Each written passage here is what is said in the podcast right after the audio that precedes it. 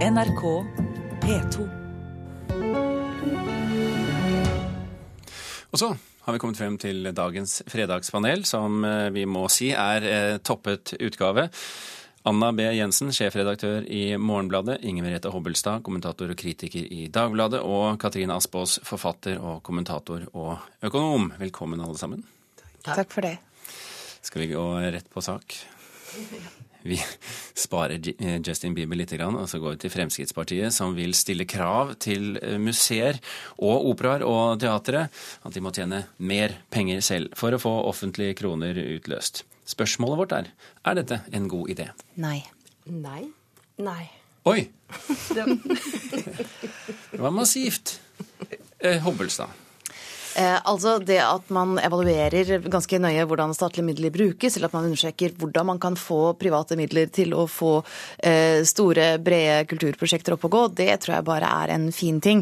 Eh, men det at det ene på en måte skal erstatte eller utløse det andre, tror jeg er en farlig idé. Jeg tror ikke helt man da tar inn over seg Farlig, hør, nå høres det ut som jeg snakker om Ja, det- IS eller noe. det er dramatisk. Eh, men det, altså, det er så mange kulturprosjekter i dette landet som ikke har det i seg å gå med overskudd, eller som ikke på en måte eh, utløser noen sånn umiddelbar gevinst for de private som eh, investerer eh, i det.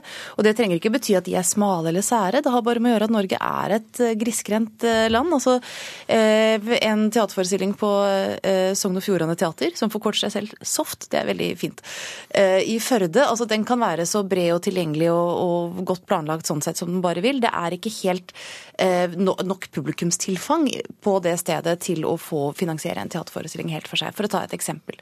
Eh, altså det, er, det skal ikke så mye til før det er på en måte såpass smalt eh, at jeg tror det ikke er nok å få private midler til det. Eh, Jeg eh, tenker som så at krav, det å ha krav på seg, er en eh, bra ting. Men for museer så er det å ha økonomiske krav, det, det er ikke de riktige kravene. Fordi de forvalter altså så store kulturelle verdier for oss. Men det å ha krav på faglig innhold, f.eks., og ha krav på relevans, ha krav på eh, Altså bruke andre målestokker, da. Og det er veldig interessant å se hvordan museene jobber nå, for nå begynner de å samarbeide om å om å studere altså, Alle har jo ikke råd til å dra til eh, MoMA i New York for å se hvordan gjør de det faktisk der, på de museene som er helt fantastisk topp faglig i, eh, i det store utland.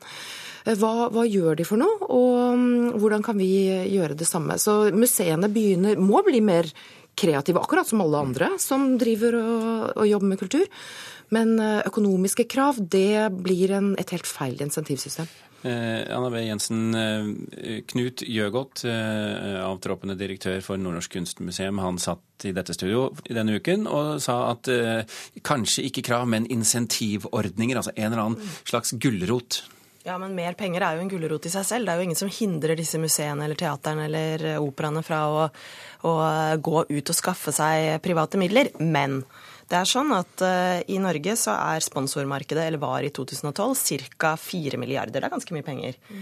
2,9 av de går til idrett og fotball. Halvparten, altså en, nesten 1,5 million, går til fotballen.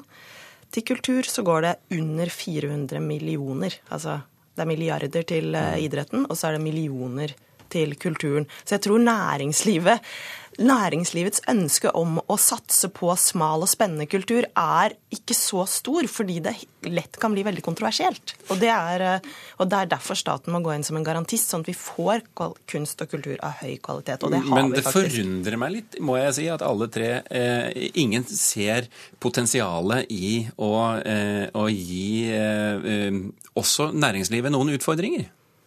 Og det, det tror jeg ikke det er noen av oss som eh, mener. Altså, det er som sagt, eh, Insentiver og utfordringer og sånn er jo bare av det gode. Spørsmålet er, er hva skal være de på en måte, praktiske konsekvensene for den offentlige finansieringen. Og det er jo det at det er eh, det på en måte litt sånn urovekkende er jo hvis det går utover den, eller utløser den, eller skal erstatte den. Men hvorfor, hvorfor skal da museene hvorfor skal de gå ut og skaffe mer penger i, den, i det private eh, hvis ingen krever det av dem? Nei, jeg tenker som så at dette her blir litt sånn snudd på hodet. Fordi at vi må jo begynne med produktene. Hvorfor har vi museer? Hvorfor, altså det er jo ikke snakk om å gå ut og hente penger nødvendigvis, men det er snakk om å være relevant i den tidsånden vi lever i. Og det er klart én del er sponsormidler. Men en annen del er jo faktisk å være så kreativ. Kanskje vi kan lære litt av Justin Bieber? Ja, Skal han skape skandaler? Om å få oppmerksomhet. Nei, men altså, det er jo snakk om å være, å, å være Å drive innovasjon, altså. Også for museene. Og i en ny virkelighet som vi alle lever i media, lever en kjem, alle som jobber med kultur, lever i helt For det, det, det lages jo så ekstremt mye kultur av verdi. Altså vi, vi, vi lever jo i en overflod av kulturelle tilbud. Men og da må vi ikke- være kjempekreative og på.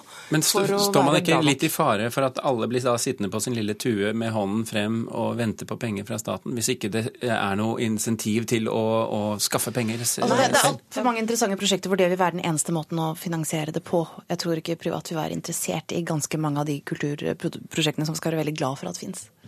Ja, jeg tror også det at eh, veldig mange altså, Jeg vet ikke om man trenger Nå er det ikke sånn at finansieringen av norske museer er veldig god, f.eks. Heldigvis har vi også noen veldig gode private museer. Eh, til og med Nasjonalmuseet har jo vansker med å kjøpe inn nye verker av eh, liksom, betydning til sin samling. Og det i seg selv er jo selvfølgelig et insentiv for dem å gå ut og søke nye midler. Så jeg tror ikke det er sånn at norske museer på en måte egentlig treng, trenger flere insentiver. De trenger jo mer penger. Man trenger alltid mer penger. Eh, noen som faktisk tjener ekstremt bra, det er jo James Bond-universet, så vi bytter eh, tema nå. Eh, Daniel Craig er tilbake eh, som eh, agent 007. Han sier seg villig til å fortsette i neste film hvis det blir en. Spørsmålet vårt er er det egentlig på tide å få en ny Bond, en kvinne? Eh, ja. Oi. Hvem så du på?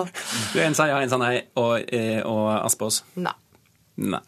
Hvem sa ja? Det var jeg som sa ja. Du sa ja, kom igjen. Du, jeg tenker at uh, på en måte så er det kanskje ikke nødvendig med en ny kvinne, da, fordi det er jo så mange veldig bra kvinnelige action og, og helter for tiden, liksom. Så det er jo uh, Man er godt skodd. Ja, og, og det er også litt sånn billig triks for å skape ny giv, da. Altså, tenker jeg, hvis man, Det var veldig gøy da M ble en kvinne, f.eks.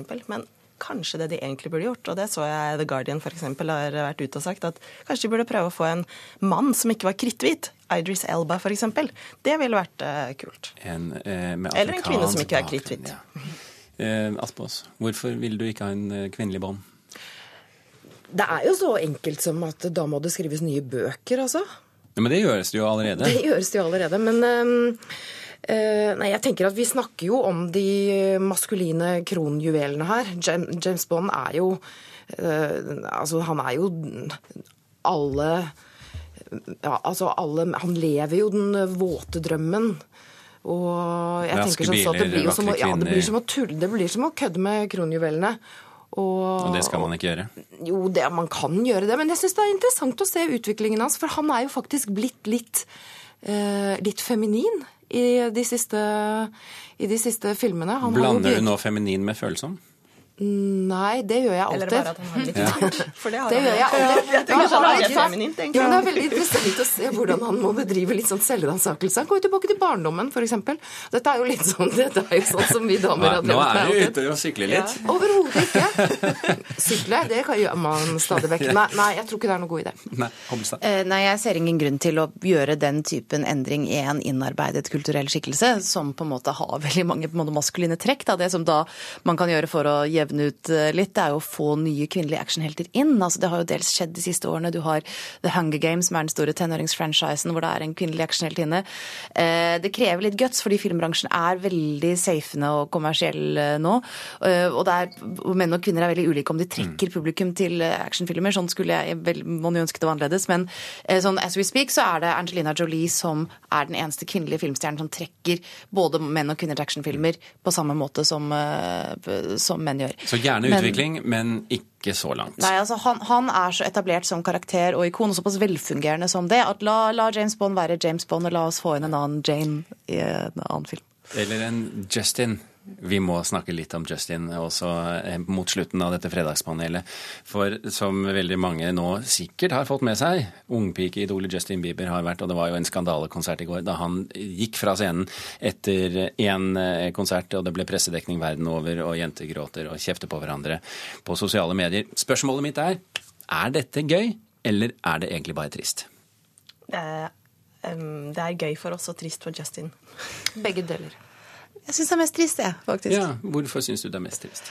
Uh, nei, altså, du kan si at Det er jo på en måte litt morsomt for de som har det absolutt mest distanserte forhold til det, sånn som vi som sitter her inne, men fordi det faktisk gjelder, Uh, som er disse jentene hvor han er denne pokalen hvor de øser alle disse uh, følelsene, gryende følelsene sine inn, så er jo dette en enorm alvorlig stor ting altså som man gleder seg til, og som man har veldig mye forventninger investert i. Og det å da, eh, uten, uten, å gjøre noe galt selv, går, eh, altså, blir skuffet på den måten, det syns jeg Nei, jeg føler, føler, med dem.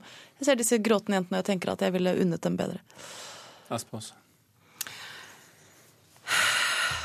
Hva skal man si? Altså, det er jo showbiz, dette her. Og showbiz, det er Altså, du, du får det ikke bedre enn en dette her. Vi hadde jo Frank Sinatra og mafiaen. Altså, det blir jo litt sånn Han var jo eldre på den tiden. Men uh, hvis vi skal sånn tenke som showbiz, så, så, så, blir det faktisk ikke bedre.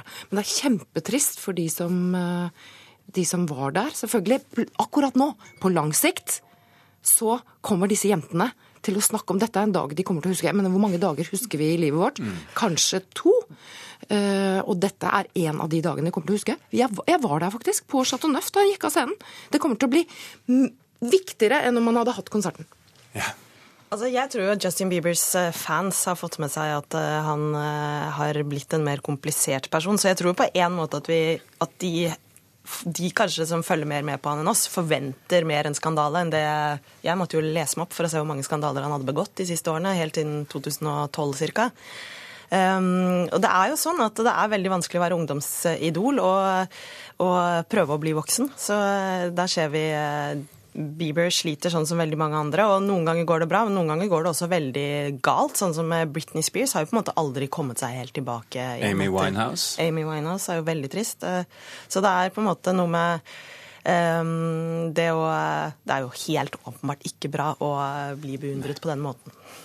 Ja, altså, det, men litt trøsten er at de som synes, kanskje syns det har blitt litt eh, overkill med bibelstoff det siste døgnet, både før og etter dette skjedde, eh, kan jo da berolige seg med at han jobber jo veldig veldig hardt for ikke å være så stor stjerne lenger. som han har vært frem til. Ja, tror du det? Eh, ja, altså han gjør jo sitt absolutt beste for Det kan jo virke stikk motsatt, egentlig. Eh, at han jobber for å bli større og større? Ja, jeg tenker at det er grenser da, for hvor mange eh, runder du kan gå med dette her. Og eh, Eh, at han begynner å kanskje gjøre seg selv mindre på en måte nesten ingen av oss ville. Vi driver jo bare og bygger dem opp. Han selv prøver å virke som Du har så kort tid hvis du skal si noe nå.